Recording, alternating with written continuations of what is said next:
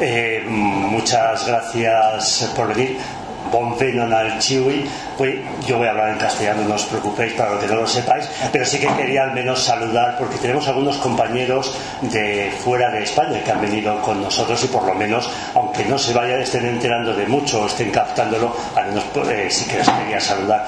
Eh, mi bolas d'anquí la nia invisitanto en el ilando y que venís al Kiuchi Agado, especiale al Martín, al, al Irek, al Agnieszka y al Richard, que eh, bone, eh, pardonu che ni parolos cefe en la hispana lingua, ca, sed poste ni faros resumon por vi negra. negra. Yo que les haremos un resumen y creo que no se perderá. Muchas, muchas gracias. Varsovia Vento.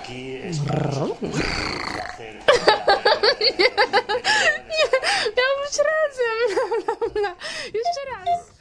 Jen muzik notoj tri, vi ne scias pli, el via memor.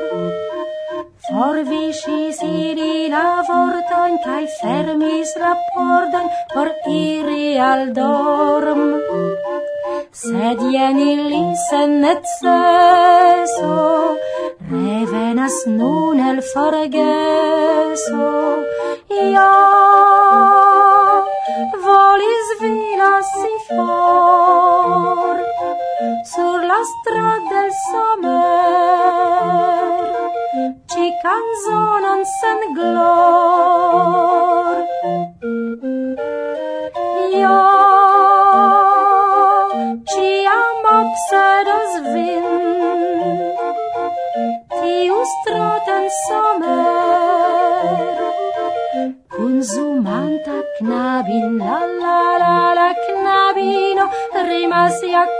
fino kai restas neni estas en revo komenco la tempo de danco kai de melodio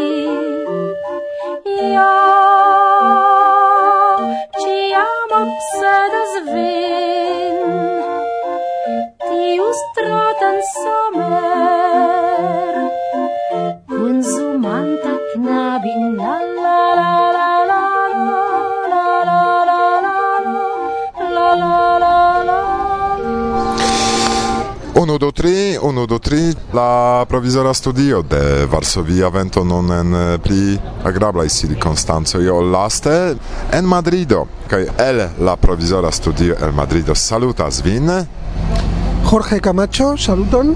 Ruĝa saluton. Martin Wiese saluton.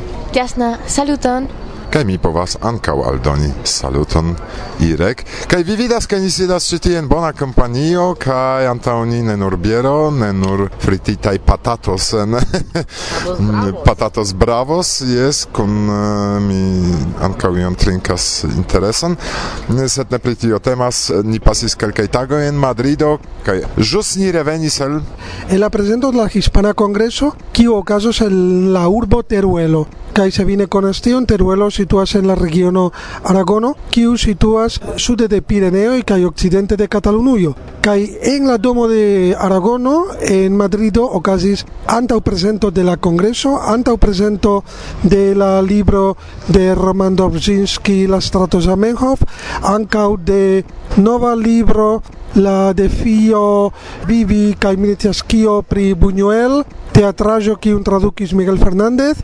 kaj ankaŭ estis presento de edukantoj fare de Martin Vise. Ĉio tio estis antaŭ presento de la diversaj kulturaĵoj kiuj okazos en la Hispana Kongreso en Teruelo. Do mi comprenis nenion, char ĉio estes en la hispana sed eh, do homoj foje eh, ridis kaj do mi eh, ankaŭ ridis por esti iomete afabla. Sed ja ah, nu jes. Estis iomete longe longaj paroladoj en la hispana por ni kiu estas eksterlandanoj. Sed en la fino estis poemo en Esperanto kaj du kantoj en Esperanto kiu por mi estas jam konataj. Ĉu plaĉis al vi tiuj kantoj en Esperanto? Um, yes, compreneble. Ĉu vi komprenis pri kio kantas la artisto? Mi jam ne memoras, sed belajn kantoj. Si ne memoras do Martin vi estas petata canti en teruelo denove anstataŭ letero kai pli ol nenio. Tiam si prenos kajeron kai notos la tekston de la canto. ĉu ne? Do mm, fakte Anna Manero prezentis tre belan kai kortuŝan eh, poemon de Miguel Fernandez. Yes. La poemon verkis Miguel en Esperanto originale temas pri la okcentiara legendo de la geamantoj de Teruelo kaj poste ĉarlicis ke venos aŭtoritatoj hispanaj kotopo li mem hispanigis la poemon kaj oni legis ambaŭ versiojn hodiaŭ. Kaj ni partoprenis ankaŭ alian eventon, ĉu ne? Yes, ni partoprenis la eventon kun Roman Dobrzyński, kiu venis ankaŭ speciale ĉi tie al Madrido por la kongreso kaj ne nur por prezenti sian lastan eldonaĵon, la tradukon de Zamenhof strato en hispana lingvo. La prezentado okazis en Sefarad, do estas instituto pri hispanaj judoj kun apogo de Pola Instituto pri Kulturo en Madrido, do estis ankaŭ kelkaj poloj kiuj tute ne havis rilaton kun Esperanto kaj ili povis tiel maniere ekscii pri ni. Kaj eh, presentis la autoron de la libro, kiu presentis la libron Antonio del Barrio, presidento de eh, Hispana Esperanto Federacio. Tre brave ankaŭ en la hispana lingvo do ne vere multe ni komprenis, sed ĝuis, ĉar en la publiko estis multe da poloj, do mi aŭdis pola kulturinstituto. Kaj poste ni plezure krokodilis inter la hispanoj do unu como uno estas fakte en tiu ĉi meĉo, ĉu ne? Kaj hodiaŭ ni maltrafis bedaŭrinde ekskurson tra Madrido, ĉar en ĉina restauracio estis tiel malsataj, ke tiu ĉinino ne rimarkis, ke ni havas malmulte da tempo. Kial diable vi iras al ĉina restauracio en Madrido? Ĉar ankaŭ ĉinoj loĝas en Madrido, kaj kial ne? Do, kaj jasna, vi havas iujn impresojn post hodiaŭa renkontiĝo? Do estis mojose, ĉar do mi ne scias klarigi tre bone la kialon, sed mi scias. Do se la junularo diris ke estis mojose, do bone mm, povis esti tiel. Karaj la cento dudek kvara... Mm, multaj krokodilantoj do rimarko de eh, junularo. Antau vi la cent dudek kvara elsendo de Varsovia vento, en kiu vi excios ne nur kio estas interesan la lasta eldono de kontakto. Saluton Hogener! Ni tres opiras vi ne venos alteruelo por hispana Kongreso. Bedauru vi ne venos kai poste vi audos iomete pri hispana Esperanto movado pri kiu rakontos Tonio del Barrio. Silvia prezentos al vi siajn rimarkojn pri la dek kvina de decembro, sed pri kio temas mem vi aŭskultu, kaj ankaŭ Mihaela la prezidantino de Germana Esperanto Junularo prezentis ion al vi. Do aŭskultu simple nian programon. Bla bla. Bla. Varsovia vento la podcasto mia ciam bona momento. Varsovia vento la orgasmo radia mi ne havas tro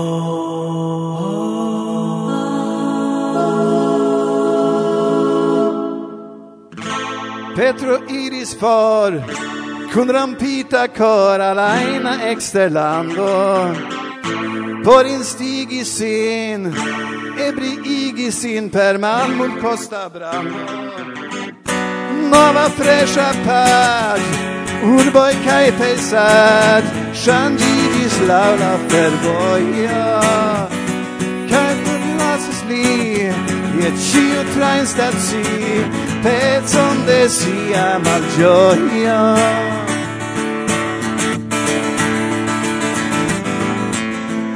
che trad por bona rezultat li schion fare. Kai ci trinku fed kun glas kai cigaret povis sin prepare. Plena je inspir kai vivo elixir sekvis li la regulaj kaj faligis sin kvazaŭ laŭ mal helain und kuhlein.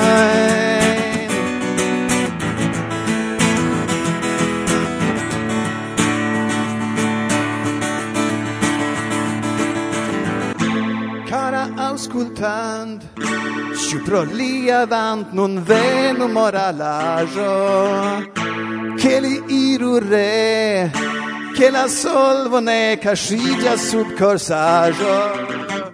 Celebre postmonat de gioia surrogat Silentigis la cria Ne promem compren Se tio eta ben Estas pli ol de mi.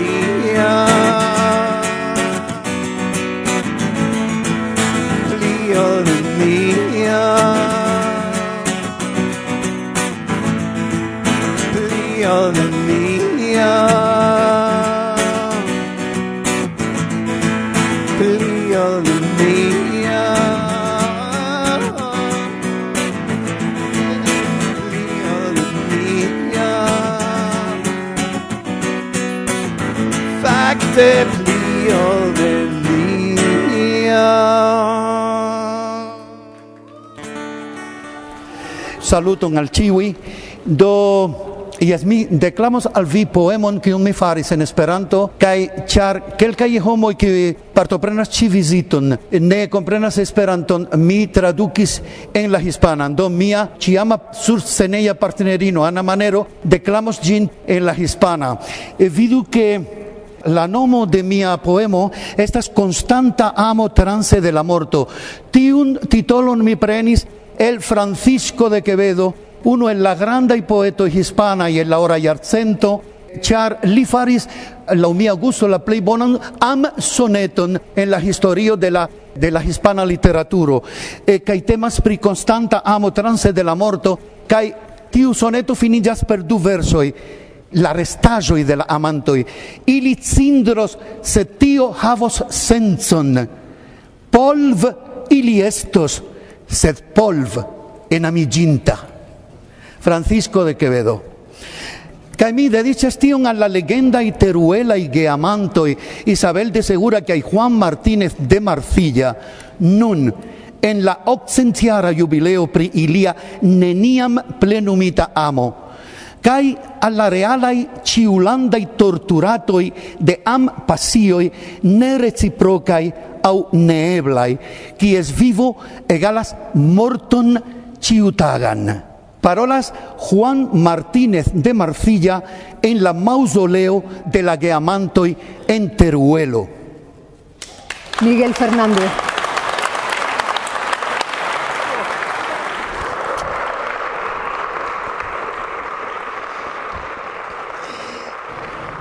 Amor constante más allá de la muerte. Serán cenizas, más tendrás sentido. Polvo serán, más polvo enamorado. Francisco de Quevedo. A los legendarios amantes de Teruel, Isabel de Segura y Juan Martínez de Marcilla, ahora que se cumple el ochocentésimo aniversario de su amor nunca consumado, y a los que en el mundo real, en cualquier parte de la tierra, sufren la tortura de amores no correspondidos o imposibles y cuyas vidas son muertes cotidianas. Habla Juan Martínez de Marcilla en el mausoleo de los amantes, en Teruel. Me despierto de un sueño de alabastro, de un sueño de ocho siglos, como cada día. Me despierto con el fuego glacial de tu beso imposible, de tu beso tardío sobre mis labios muertos, Isabel de que yasmí el alabastra son yo. El obsentiara son yo que el chiutage.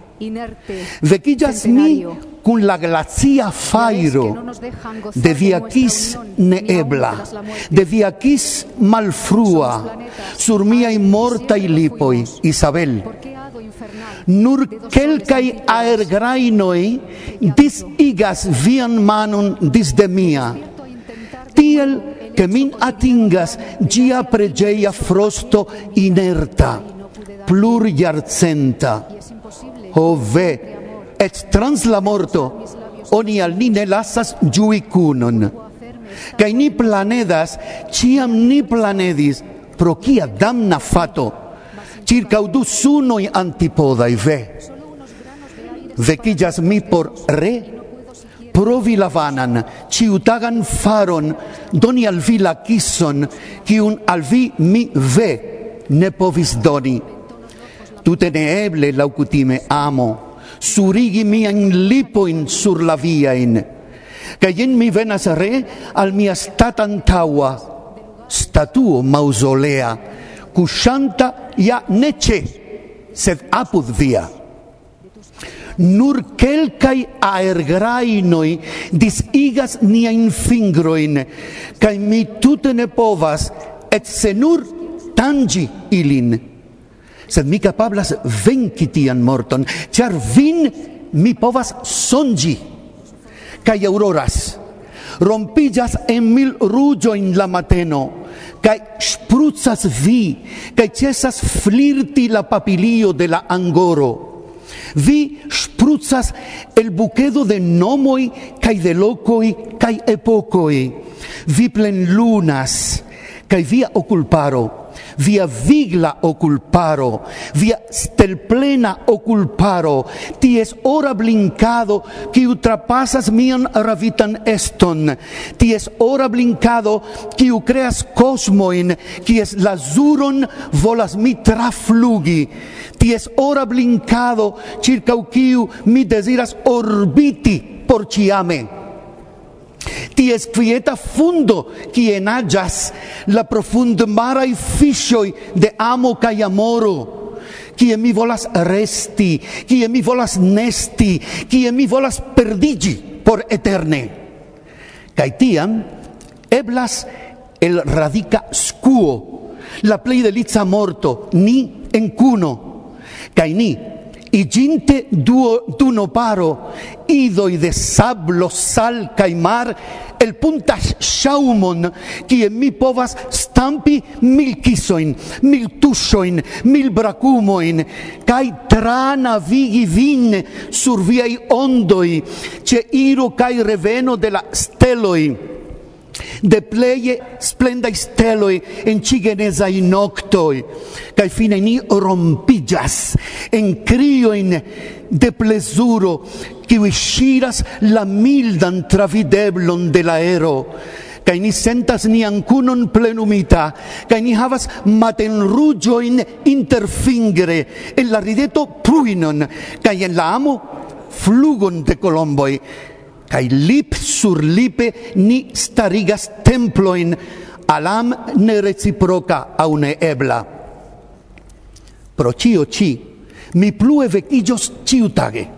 Kai ciutage provos vin sur lipi kiel mi faras jam de ocentiaroi sed jam mi ne sufocos lo ne ebla. Mi mortos iom cun ciu am mortanto kiel mi mortis anta ol mi mortis, si ante vin en bracoi aliulai, kiel la homo, kiu morte viva, recitis anta unia i sarcofagoi, en sen consola solo iena inversoin, kio subcusas funde de ciui miai vortoi, cifonai mutai ejoi de helpopetai shricoi, post ol vi varpis lastan vin mi amas, mi amos vin ciame malgrau cio, ja iam ni revenos, vi vanuis. Lasu min amo simple vin ignori, en ci absurda nocto, cie mi forvisis la kisoin, cae la tremoin, cae ec la forgeson se ci homo revenis farda chiaro in post tio, kaj inter via mano kai la mia lasis paron da neforgesuminoj. Kaj ci homo revenis unu jaron poste, kaj du, kaj tri, cae anta un nur du horoi, Kaj li revenos laulonge del iarcentoi, ciam cum par da bluai miozotoj. Kaj simpla noto, vin mi amas plue. Kaj mi ripetas, vin mi amas plue. Kaj mi ripetas, vin mi amas plue. Kaj mi ripetas, vin mi amas plue.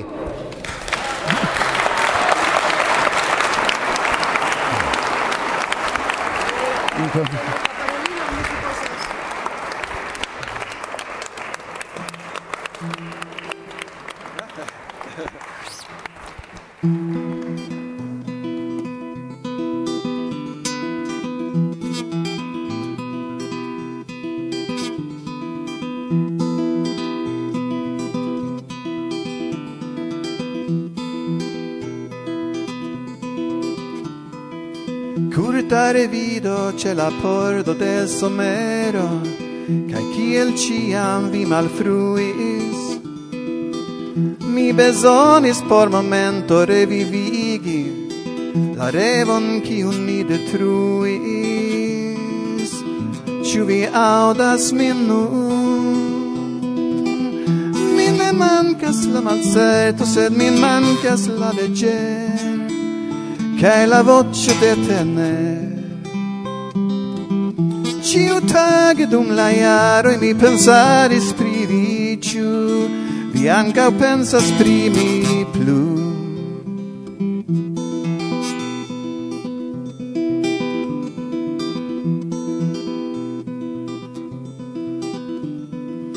Ciu mi ne agas lau mia agio Ciu mi silentas pro mal coraggio, ciò mia voce ma la pera sen la bru, ciò la distanza transirebla spornidu.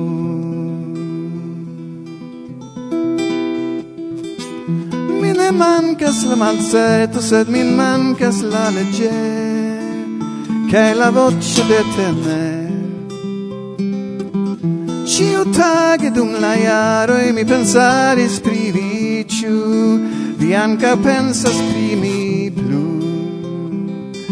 Jes mi ripetas min, cae elusigis la tem. Se vi pardonis min, ciu mi pardonos min men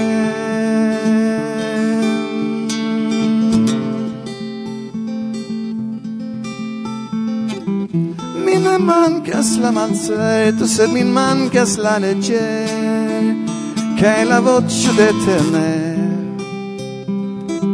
Ciu tage dum la jaroi mi pensaris pri viciu, vi anca pensas plu. Mi ne mancas la malzeto, se mi mancas la legge, cae la voce de teme. Ciu tage dum la jaro mi pensaris pri vi, ciu vi anca pensas pri mi.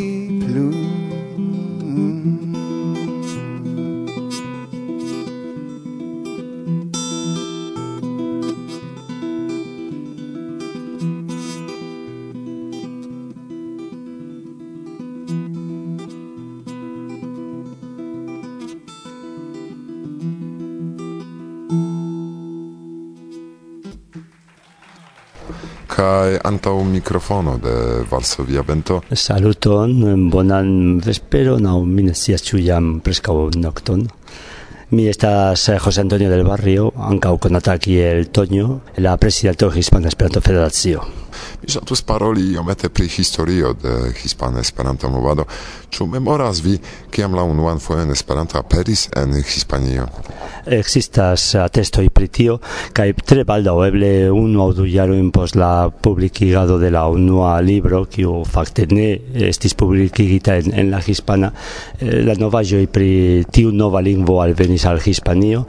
Kelkaj homoj normale el kleraj pozicioj pere de la franca exis pri tio lingvo. Fakte estis bonaj rondoj de volapukistoj kiuj iom post iom konvinkigis ke Esperanto estas pli bona solvo kaj fakte tre rapide oni creis la unua clubojn oni diras ke tiu de Malago kiu plu existas kun grandaj interrompoj estis la sepa klubo de la mondo eh, formita formale iom post iom la movado crescis, disvastigis, eh, aperis kelkaj informoj cae en 1903 kreigis la unua tut hispana mm, Esperanto societo que tiam nomigis la, la franza modelo hispana societo por la propagando de Esperanto. Do unu el la plej i kongresoj, fruaj i ocasis facte en Hispanio, ciu vi havas in fotojn, materiale, in pritio, ciu yes, aperis en la revuo, tutte raportoj aliaj priskriboj, se ĉu estis iuj spuroj de la kongreso ĉe vi, ĉe Hispana Esperanto-Federacio? E, vi celas la kvinan Esperanto-Universalan Kongreson, tio okazis en Barcelono, kaj bone fakte en tiu momento eh, la movado komencis disvolviĝi ne tre firme, ekzistis diversaj grupoj, ĝi okazis en Barcelono, kiu en tiu momento estis la sidejo de iu granda socia ni diru revolucio, kiu estis okazinta kelkaj semajnoj semajnon antaŭe. Ĝi estis instiga, ĉar fakte Zamenhof venis al Barcelono, iris ankaŭ al Valencio, kie okazis post kongreso. De tie venas la ununura registrado de la voĉo de Zamenhof, kiu oni ankoraŭ konservas, kaj do ĝi estis jes vere instigo, se ne por la organizado mem de la asocio, kiu en tiu momento ankoraŭ estis malforta, ja por la tuta esperantistaro, kelkaj atestoj de veteranoj memorigas pri tiu entuziasmo kiun diris la cesto de la maestro kaj tiel plu. Pri historio efektive ne povas esti mm, multe eĉ mia propra persona retejo, ĉar fakte dum kelkaj jaroj mi dediĉis min specife al la esplorado pri la historio, ĉar pri historio estis mm, iu problemo de rompo de la tradicio okaze de la hispana interna milito kiu ia maniere eh, modifis la tutan karakteron de la Esperanto movadon. Kio okazas nun?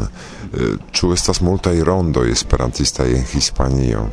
Oni mm, povas diri ke la Hispana Esperanto Federacio kaj ĝenerale la hispana movado troviĝas en, en esperiga momento. Esperanto estis mm, bone tre apresata en diversaj momentoj de la historio de Hispanio kaj kiel bona socia fenomeno trakuris multajn suprojn kaj malsuprojn kaj eh, laŭ la propra disvolvo de la historio tio modifis kompreneble la konsiston de la Esperanto esperanto movado post la eh, morto de la dictatoro almeno de la democratio, ni creis granda in esperon la movado viglis multe. Poste venis momento eble de io malfortezzo, se nun tiu mi pensas estas haltigita la asocio mem estas firma oni jus renovigis la estralon con continuezzo kaj samtempe con renovigo kai la nombro de esperantistoj aktivaj kai conatai estas mm, sufiĉe granda.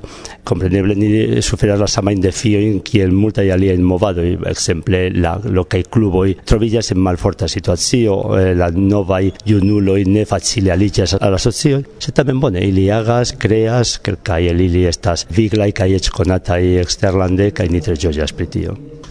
Kiam okazis la unua hispana Esperanto-kongreso? En la dudeka jaro da pasinta jarcento komencis okazi kunvenoj tiam oni ankoraŭ ne nomiĝis eh, kongresoj, kvankam ni tamen konsideras ilin en la vico de la nunaj kongresoj. Tio okazis por kunordigi la lokajn klubojn, la aktivulojn kaj tiel plu. Ĝi en tiu momento ne estis tute ĉiamjaraj kaj travivis iom da eh, varieco kaj do ni havis en tiu momento kongresoj en diversaj landoj se ne ĉiam bone organizitaj. Poste por la milito eh, estis kelkaj jaroj en kiu oni ne celebris kongresojn, fakte la unua kongreso kiu oni organizis post la hispana milito ricevis la permeson de la registaro giuste la samantagon en kiu ĝi devus komenci kaj eh, ni memoru ke temis en pri momento de forta diktatorezzo kio multe suferigis la tiamajn aktivulojn. Post tiom Hispana Esperanto Federacio fondita preskaŭ mm, malmulte antaŭe eh, regule agadas kaj regule kreas la kongreso kaj oni celebras kongresojn por la kvindekaj jaron ĉiun jaron. Do salutu al ĉiuj tiuj kiuj aŭskultas nuntempe. Mi mem, kiu estas ka, um, um, malnova castiliano, ŝatas paroli ankaŭ en la hispana lingvo, kaj sed kompreneble multe pli en Esperanto, kaj do mi kiel ankaŭ fidela aŭskultanto de Varsovia vento deziras saluti ĉiujn kun aŭskultantojn. Bla, bla, bla. Konan dankon. Reclamo.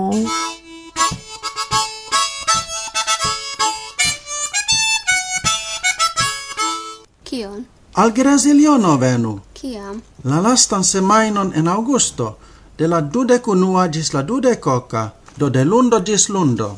Kial? Pro someras. Krom esperanto cursoi cae pup teatro estos popol danzoi. Kiai Danka danzoi? Venos el Varsovio por instrui polain, skandinavain, balkanain, ec israelain danzoin. Francoaso kai Marcelo instruos francain, kai bretonain cendanzoin, kai mi Martin estros baladoin en feroa cendanzo. Sed mi ne compranas fere. Ha ha, ni cantos la baladoin en Esperanto. Ciu vere? Yes, Existas jam amaso da diversai balladoi in Esperanto. Aha, ciu estas ancau musica? Yes, cae Françoiso cae mi violonas, Marcelo tir harmonicas, cae mi nestias ciam da gitaroi cae aliai instrumentoi estos. Du, kion fare? Venu al Someras la dudec unuan gis dudec ocan de augusto en Gresiliono.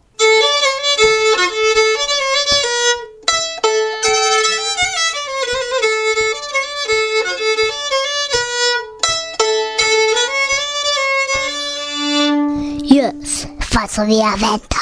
Bla bla bla.